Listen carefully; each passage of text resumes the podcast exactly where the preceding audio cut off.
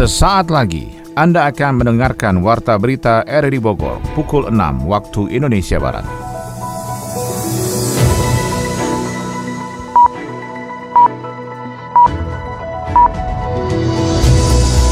Selamat pagi dan salam jumpa. Kami kembali hadir dalam Warta Berita di edisi hari ini, Sabtu 23 Oktober 2021. Siaran ini bisa Anda dengarkan juga melalui audio streaming di aplikasi RRI Play dan turut disiarkan Radio Tegak Beriman Kabupaten Bogor. Berita utama hari ini adalah Wakil Presiden Maruf Amin mendorong kementerian dan lembaga pemerintah non-kementerian serta pemerintah daerah untuk memberikan layanan publik yang cepat dan murah sesuai dengan kebutuhan masyarakat. Hari Santri untuk membina kaum muda berakhlak Islam rahmatan lil alamin. Saya Maulana Isnarto, inilah Warta Berita selengkapnya.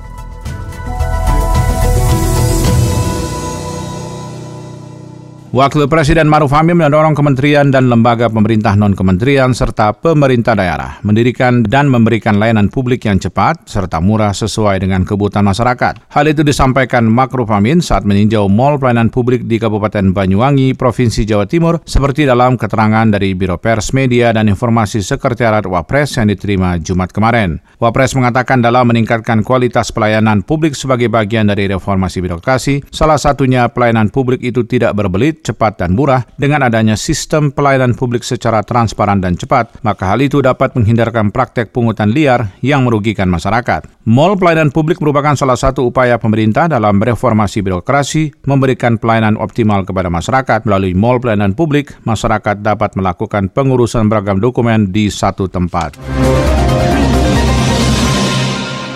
Hari Santri untuk membina kaum muda berakal Islam rahmatan lil alamin. Informasi Hari Santri selengkapnya dilaporkan Sony Agung Saputra. Pemerintah Kota dan Kabupaten Bogor memperingati Hari Santri 2021 dengan adanya upacara di pemerintah daerah masing-masing. Dengan adanya Hari Santri itu masyarakat juga melakukan refleksi dengan memberikan sumbangsi bagi agama, negara, dan bangsa, terutama dalam melawan COVID-19.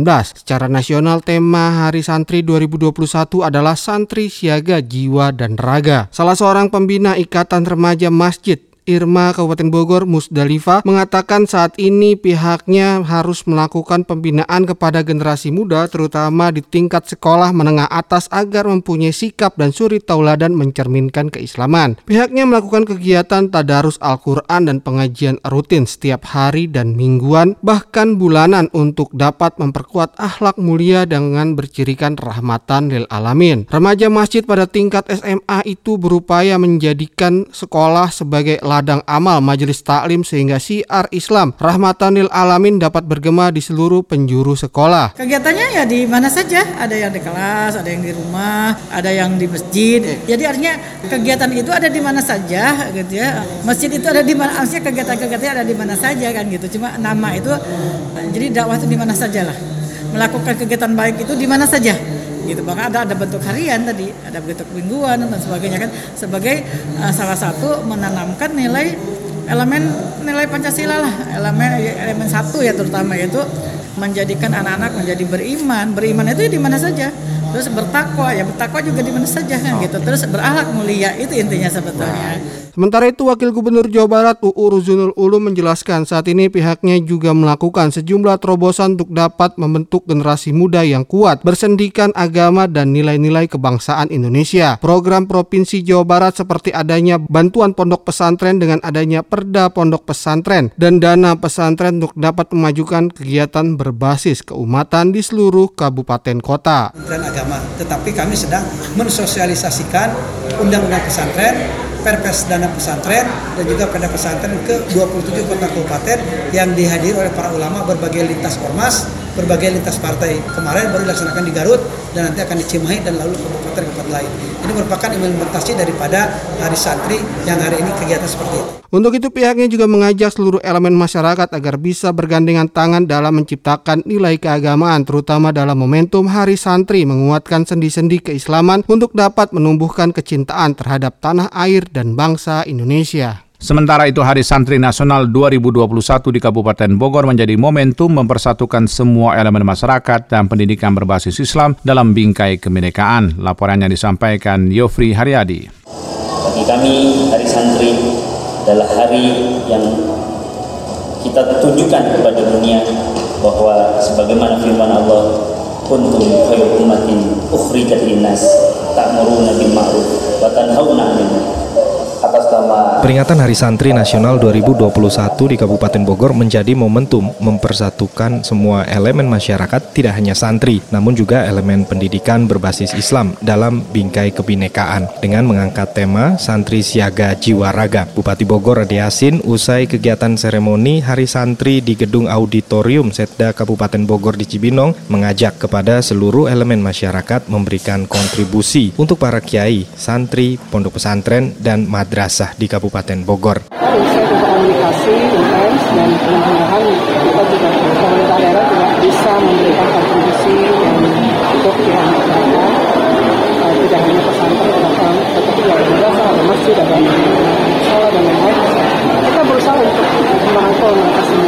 walaupun uh, tidak seluruhnya tapi bergantian setahun Pondok pesantren harus menjadi benteng dari masuknya radikalisme. Ada 1.400 pondok pesantren di Kabupaten Bogor yang diharapkan menguatkan kesalehan sosial di tengah masyarakat. Pada kesempatan yang sama, Ketua Majelis Ulama Indonesia Kabupaten Bogor Kiai Haji Mukri Aji menambahkan, Pemkap Bogor, TNI, Polri di Kabupaten Bogor memiliki perhatian maksimal kepada para santri. Di era milenial saat ini, Ketua MUI Kabupaten Bogor itu pun menambahkan, para santri sudah adaptif dengan perkembangan teknologi informasi dalam menyampaikan dakwah yang menyejukkan. Nuansa ini sangat luar biasa untuk bahan muhasabah bahwa Indonesia merdeka diperjuangkan oleh para santri, para kiai.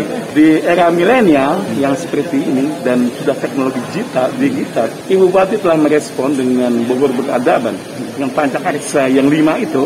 Tuhan Allah luar biasa dengan menyiapkan seribu hafiz Al-Quran. Pondok-pondok pesantren dibantu baik yang as-salafiyah maupun modern dan juga muspidah kompak semua untuk mengusung santri-santri mereka juga kuasai ilmu-ilmu sains teknologi. Peringatan Hari Santri tingkat Kabupaten Bogor 22 Oktober juga bersamaan dengan peringatan Maulid Nabi besar Muhammad Shallallahu Alaihi Wasallam. Diawali dengan pemutaran film dokumenter Revolusi Jihad yang menjadi penanda Hari Santri dan tausiah dari Kiai Haji Mustafa Akil Siroj yang juga diselenggarakan secara daring diikuti seluruh SKPD, kecamatan, dan pondok pesantren sekabupaten Bogor. Pondok pesantren menjadi sebuah tempat mencari ilmu agama Islam dengan benar serta menjadi suri tauladan maupun solusi sosial di tengah masyarakat. Kembali Yofri Haryadi melaporkan. Pondok pesantren adalah sebuah tempat mencari ilmu agama Islam dengan benar serta menjadi suri tauladan serta solusi sosial di tengah masyarakat. Seperti halnya pondok pesantren khusus para mualaf atau mereka yang baru memeluk agama Islam yang berlokasi di Ciawi, Kabupaten Bogor, menjadi rumah bagi para mualaf mendapatkan solusi tidak hanya dalam pertanyaan sekitar peribadatan dan ilmu agama saja, melainkan juga pendampingan sosial dan ekonomi. Tidak banyak yang tahu perjuangan seorang mualaf setelah mengucapkan syahadat. Ketua Yayasan Pesantren Mualaf Center Anaba Syamsul Arifin Nababan berharap dengan sinergitas bersama pemerintah daerah, BAZ, NAS, dan para donatur mewujudkan pondok pesantren mualaf yang mampu menampung 500 santri dengan menelan biaya hingga 5 miliar rupiah. Nantinya kalau sudah selesai dibangun semuanya ini, insya Allah ini kan untuk sementara baru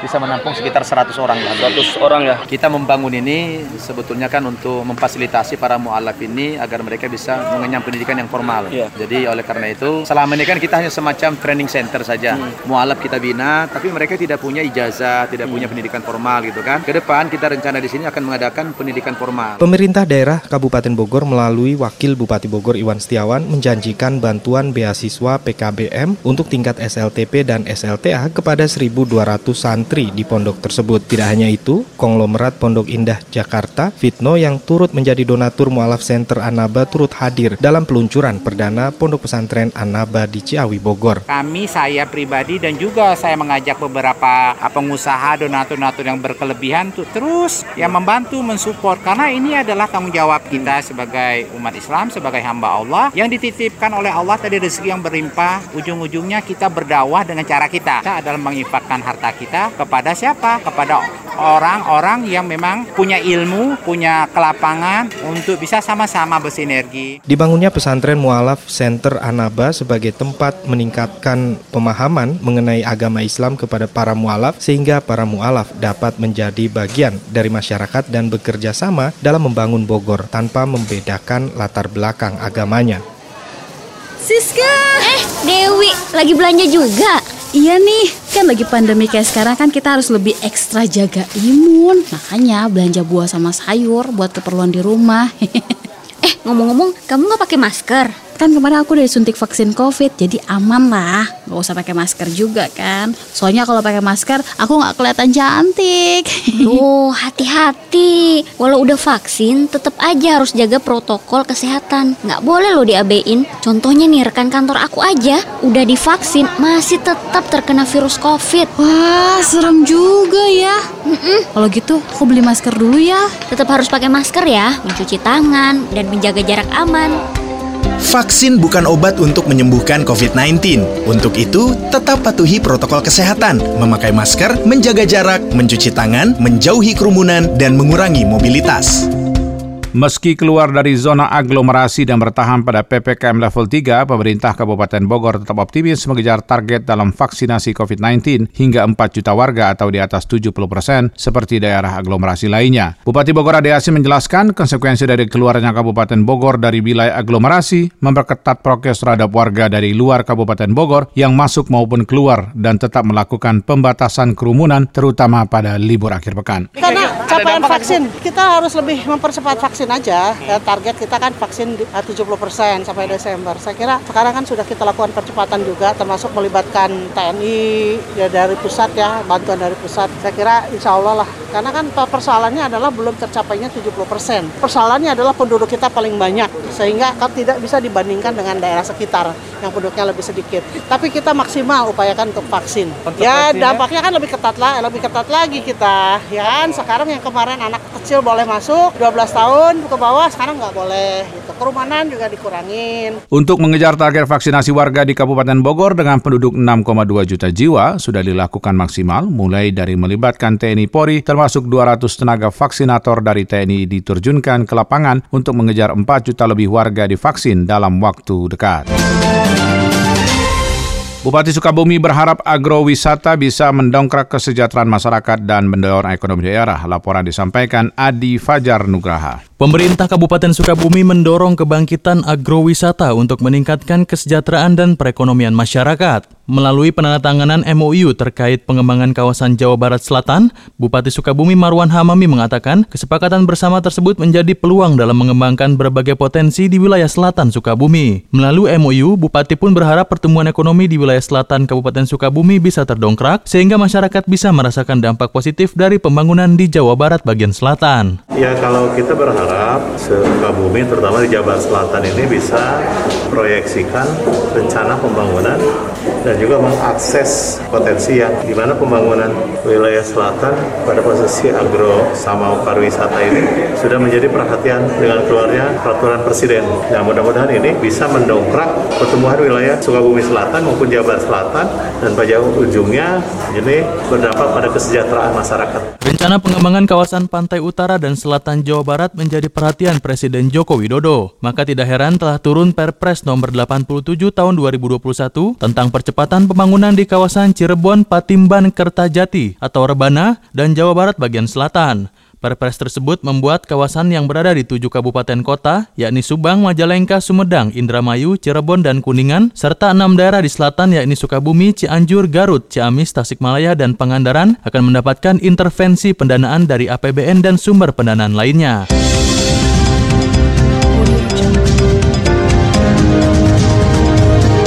Anda tengah mendengarkan Warta Berita RRI Bogor. Dari dunia ekonomi, Menteri Pariwisata dan Ekonomi Kreatif Sandiaga Uno mengungkapkan potensi game di masa depan akan sangat luar biasa bagi ekonomi Indonesia. Hal itu disampaikan Sandiaga Uno seperti dikutip dari akun resmi Instagramnya @sandiuno di Jakarta. Potensi gaming di masa depan akan sangat luar biasa untuk ekonomi Indonesia dan akan banyak lapangan kerja yang ada di sektor ekonomi kreatif. Menurutnya, sebagai orang tua yang diperlukan yakni membimbing dan mengerahkan anak-anak serta memberikan tanggung jawab khususnya dalam hal manajemen. Saudara, Masjid Tua di Al Mustafa di kawasan Bantar Jati Kaum Bogor Utara Bogor Kota merupakan liputan khusus kami pada hari ini. Selengkapnya disampaikan Sony Agung Saputra.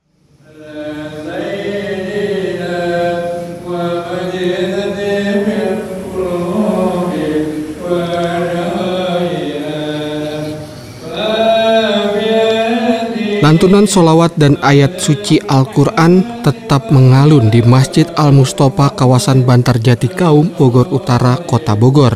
Masjid itu berdiri di kawasan padat penduduk, wilayah Bantar Jati yang berdekatan dengan Sungai Ciliwung. Saat RRI mendatangi masjid tersebut, pengurus masjid sedang melakukan kegiatan maulid Nabi besar Muhammad Sallallahu Alaihi Wasallam dengan lantunan solawat bagi baginda Nabi besar Muhammad Sallallahu Alaihi Wasallam. Ketua DKM Masjid Al-Mustafa Kusnaidi menjelaskan, masjid tersebut berdiri pada tanggal 2 Ramadan 728 Hijriah atau 8 Februari 1307 Masehi. Masjid tersebut berdiri oleh ulama besar Kiai Haji Tubagus Mustafa Bakri dari Banten dan juga Raden Dita Manggala dari Cirebon. Kedua tokoh ulama itu bersama jamaah membangun masjid dan membuat perkampungan di tepian Sungai Ciliwung yang terkenal dengan Kampung Baru yang saat ini dikenal dengan Bantar Jati Kaum. Tanggal 2 Ramadan tahun 708 Hijriah. Kemudian Masehinya berinformasi lagi tahun 8 Februari 1307. Ini ada perbedaan antara 728 dengan 1328. Kalau menurut uh, hitungan kami itu 700 tahunan. Ya, 1300 karena sekarang 2000-an ya 2021 kurang 700 tahunan. Menurut informasi yang saya dapatkan. Kemudian masjid ini didirikan oleh dua ulama. Yang pertama yaitu Mbah Haji Mustafa Bakri dari Banten. Yang keduanya Mbah Raden Dita Manggala dari Cirebon Dirinya menjelaskan bangunan tersebut berdiri di lahan sekitar 2000 meter persegi dengan adanya bangunan yang masih asli sekitar 800 meter persegi dan selebihnya merupakan bangunan yang sudah dibugar. Pada pemugaran sekitar tahun 2000, kemudian tahun 2015 dan tahun 2018 dilakukan renovasi penambahan luas masjid. Saat ini ada penambahan untuk kamar mandi dan tempat wudhu pada sisi belakang bangunan. Awalnya masjid tersebut hanya sebatas bangunan lama yang masih terdapat jejak di lokasi tersebut, sedangkan selebihnya merupakan bangunan baru yang sudah mendapat renovasi. Dua ulama dan beserta teman ininya membuat atau mendirikan masjid ini. Kemudian setahu informasi saya ketika saya ketika yang saya bilang tadi, saya setahunya ketika pas tahu masjid ini ada masjid di sini baru sebatas ini di ujung sini yang saya tadi dibilang cuma setengah badan. Panjangnya berapa Pak yang aslinya? Yang aslinya cuma segini kurang kurang lebih ya karena dua 20 meter dan 30 meteran. Itu asli masih ya Pak. Hmm. Bangunan ini seperti ini cuma dikasih hmm, keramik hanya aja. keramik aja dan perubahan jendela ini. Oh jendela tadi? Iya jendela tadinya kayu, ah, tadinya kayu. Oh tapi melengkung kayak gini masih? Ya kayu kemudian saya kecil ya. Kemudian diganti dengan kaca nako. Nah kaca nako diganti dengan ini. Pas kepengurusan kami ini. Pintunya masih yang ini nah pintu kebetulan tadinya di sebelah situ pak. Yang ada kerawang yang tengah. Hmm, ya. itu berarti baru tidak ya? selebar ini. Pada masjid tersebut mempunyai Al-Quran yang merupakan peninggalan pendiri Masjid Al-Mustafa. Al-Quran yang merupakan tulisan tangan dari ulama Kiai Haji Mustafa masih tersimpan rapi bersama kumpulan ceramah khutbah sholat Jumat yang sudah ada sejak zaman kolonial Belanda. Artinya ada dua Al-Quran tuh yang satu entah tanah di Semen di Jakarta di musim Jakarta Oh. wa alam saya sendiri. Yang Satu satu sini. ini masih istilahnya ya segitu masih bisa terbaca ya. Semaksimal mungkin Emang kemarin beberapa hari yang lalu ada dari UI tahun 1700-an itu masa dari UI itu memeriksa. Sejarahnya Wah, kalau masalah sejarah aku terus terang aja belum belum yang buatnya informasi yang saya dapatnya itu dari Mahdi Mustafa Al-Bakri sendiri yang menulisnya pendiri Ya, masjid. pendiri masjid itu juga. Nama Haji Mustafa Apalagi adalah salah satu namanya masjid dari pendirinya Al Mustafa itu. Tahun kapan itu ditulisnya tuh Pak? Kalau masalah tahun sejak berdiri masjid katanya gitu informasi. Sementara itu pengurus masjid lainnya Junaidi mengaku sudah turun-temurun melakukan pekerjaan membersihkan tempat ibadah tersebut sebagai bagian nasihat dari ibunya yang meminta untuk tetap menjaga keaslian masjid hingga akhir hayatnya. Di lingkungan masjid tersebut juga terdapat mata air yang saat ini tidak pernah kering. Bahkan kemurnian air tersebut terjaga hingga sekarang dengan adanya sejumlah penelitian dari akademisi dan juga pengakuan dari petugas PDAM setempat yang meyakini kemurnian air masih terjaga. minum ini di sini yang kita terima sekarang ini terjadi darinya ada ada ada tujuh pancuran tujuh pancuran tapi sampai sekarang karena karena mungkin mungkin sejarah bahwa air itu untuk masjid ini itu sampai sekarang yang lain mah habis. Kering. Paling ada sedikit sedikit cuman yang paling subur ini yang sekarang sampai ah, apa artinya kemarau sekian bulan juga nggak habis tapi bahkan nambah. Bahkan udah apa sekarang saya lihat di, di Quran kemarin yang mungkin Ustadz juga deh dari dari Aceh tuh dia menerangkan bahwa ini ada di surat ini air peninggalan ini katanya. Di, di Jakarta satu di sini satu. Oke.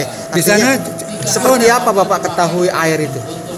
di sini kan lebih lebih, lebih hebat lagi dari apalagi saya dengar dari orang mengecek ini lebih daripada aqua hebatnya terus ada juga orang pam pak sekarang mah nggak ada di Bogor air yang murni kayak gini Kegiatan masjid juga semakin padat meski saat ini mengalami pembatasan saat adanya pandemi COVID-19 namun tidak mengurangi kekusuhan jamaah dalam beribadah di masjid yang sudah berumur lebih dari 700 tahun itu. Salah seorang jemaah Masjid Al Mustofa Bantarjati Kaum Kota Bogor Rusmin menjelaskan suasana berbeda didapatkan saat beribadah di masjid peninggalan ulama besar itu. Suasana hikmat, adem, dan lestari juga sangat terasa saat melakukan ibadah, sholat, dan membaca Al-Quran sehingga dirinya betah berlama-lama di dalam masjid dalam melakukan ibadah. Ini masjid masjid tertua ya, karena saya dulu kecil di sini, sampai besar di sini. Alhamdulillah eh, semenjak saya masih kecil rasakan masjid ini masjid yang sangat-sangat apa dibilang ya? Historisnya banyak sekali ya. Banyak kenang-kenangannya banyak sekali. Ya, karena sekarang ada perubahan banyak perubahan. Sebetulnya ini masjid-masjid tertua di Bogor.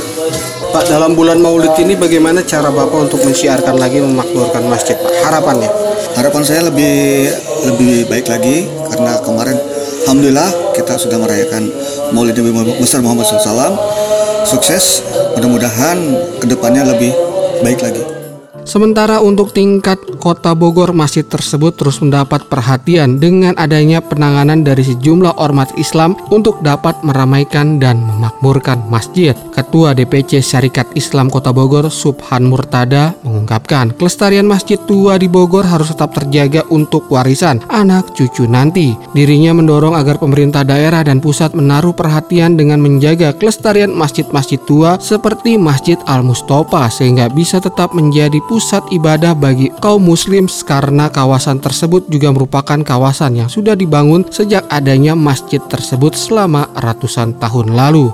Ini merupakan warisan yang tidak ternilai harganya dan punya sejarah yang menjadi spirit bagi perkembangan umat Islam.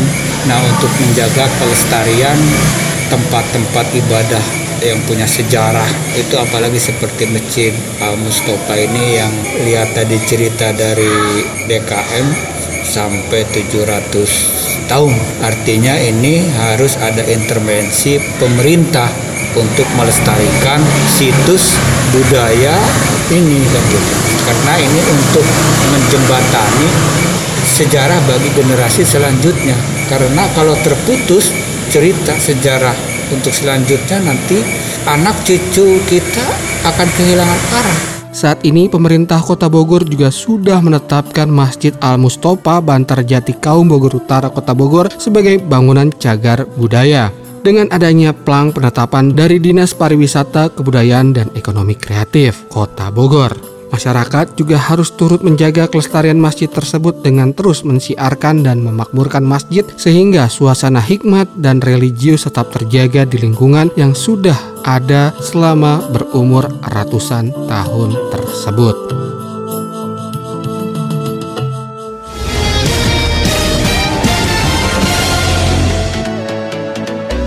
Dari dunia olahraga, Sekjen Komite Olimpiade Indonesia Ferry Jekono mengatakan pihaknya mulai menemukan titik terang terkait sanksi yang dijatuhkan Badan Anti Doping Dunia WADA. Atlet tenis kursi roda nasional Paralimpik Komite Indonesia Kabupaten Bogor Agus Sugiharto akan berjuang keras mempersembahkan emas kepada kontingen Jawa Barat pada Pekan Paralimpik Nasional Papua 2021. Selengkapnya info olahraga tersebut akan disampaikan Ermelinda.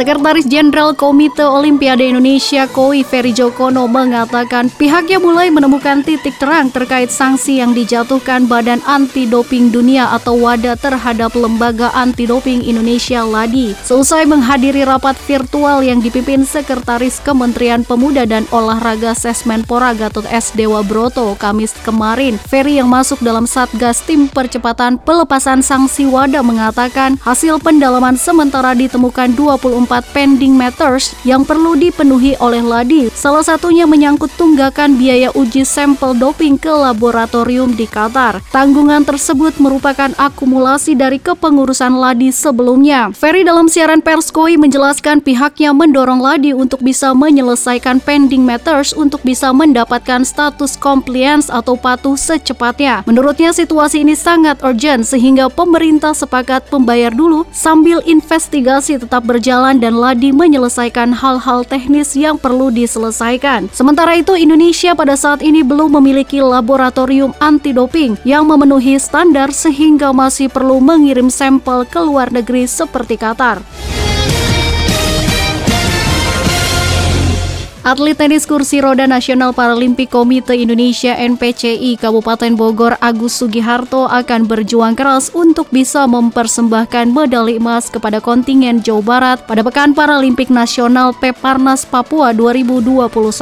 Agus menjelaskan jika saat ini semua atlet tenis kursi roda yang tergabung dalam tim pelatda NPCI Jawa Barat untuk Peparnas 2021 sedang berlatih di lapangan tenis Graha Manggala Siliwangi Kota Bandung sebelum bertolak ke Papua akhir Oktober 2021 nanti. Untuk persiapan sudah maksimal ya, kita udah PC selama 10 bulan ya. Saya di kelas elit karena sesuai peraturan umumnya kan seperti itu. Kalau sudah pernah ikut ke internasional harus satu nomor saja yang bisa diikuti. Operating fisik cukup bagus lah, dan cukup lah untuk persiapan nanti pertandingan di sana itu. Ia menambahkan jika persiapan dirinya dan teman-teman atlet tenis kursi roda lainnya sudah siap bertanding. Hanya saja di sisa waktu yang tinggal dua minggu sebelum pertandingan cabur tenis kursi roda digelar, tidak ada salahnya teknik permainan bisa lebih dipersiapkan. Sementara itu hasil manis baru saja dipetik tim Citra Praya FC saat melakoni laga uji coba dengan Depok City di lapangan Koni Citerep Kabupaten Bogor. Kemenangan The Bulldozer julukan Citra Praya FC atas Depok City dalam laga uji coba tersebut bakal menjadi motivasi Citra Praya untuk bisa menatap Liga 3 Jawa Barat Seri 1 2021-2022 yang akan bergulir pada awal Desember 2021 nanti. CEO Peraya FC Dedi Cakra Baidila memastikan skuadnya merupakan satu-satunya wakil Kabupaten Bogor yang berlaga di Liga 3 Jawa Barat Seri 1 2021-2022. Cara tim sih imbang karena kedua tim sudah mulai menuju ke ini persiapan ke kompetisi ya. Jadi hmm. semua masing-masing tim sudah skema pemain sudah dengan pemain yang sudah emang sudah dikontrak dan pemain inti. Di situ kita tidak menemui kesulitan sih. Artinya hmm. sama-sama memanfaatkan uji coba ini untuk mengetahui kelemahan tim kita kita sendiri dan juga untuk menambah kelebihan tim dari Citra Raya seperti itu. Jadi harapan saya ada perhatian dari pemerhati kalau nggak pemerintah Kabupaten Bogor bahwa kita adalah satu-satunya tim dari Kabupaten Bogor untuk berlaga di fase Liga 3 seri 1 Jawa Barat. Harapan saya bisa lolos nasional dan bisa lolos ke Liga 2 Mbak sebagai anak dari Persikabo yang sudah di Liga 1. Harapan saya seperti itu. Cakra juga menambahkan jika skuad Citerep Raya FC 95% dihuni pemain lokal Citerep dan 5 persennya adalah putra-putri terbaik Kabupaten Bogor yang tergabung dalam The Bulldozer. Selanjutnya sambung Cakra dirinya sedang melakukan pembicaraan dengan beberapa pihak yang akan menjadi mitra atau sponsor Citerep FC untuk bisa mengarungi Liga 3 Jawa Barat Seri 1 musim ini.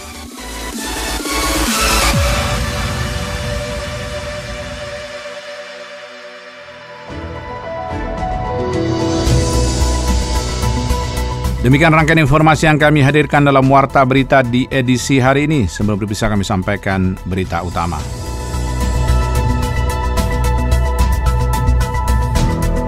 Wakil Presiden Maruf Amin mendorong kementerian dan lembaga pemerintah non-kementerian serta pemerintah daerah untuk memberikan layanan publik yang cepat dan murah sesuai dengan kebutuhan masyarakat. Hari Santri untuk membina kaum muda berakhlak Islam rahmatan lil alamin.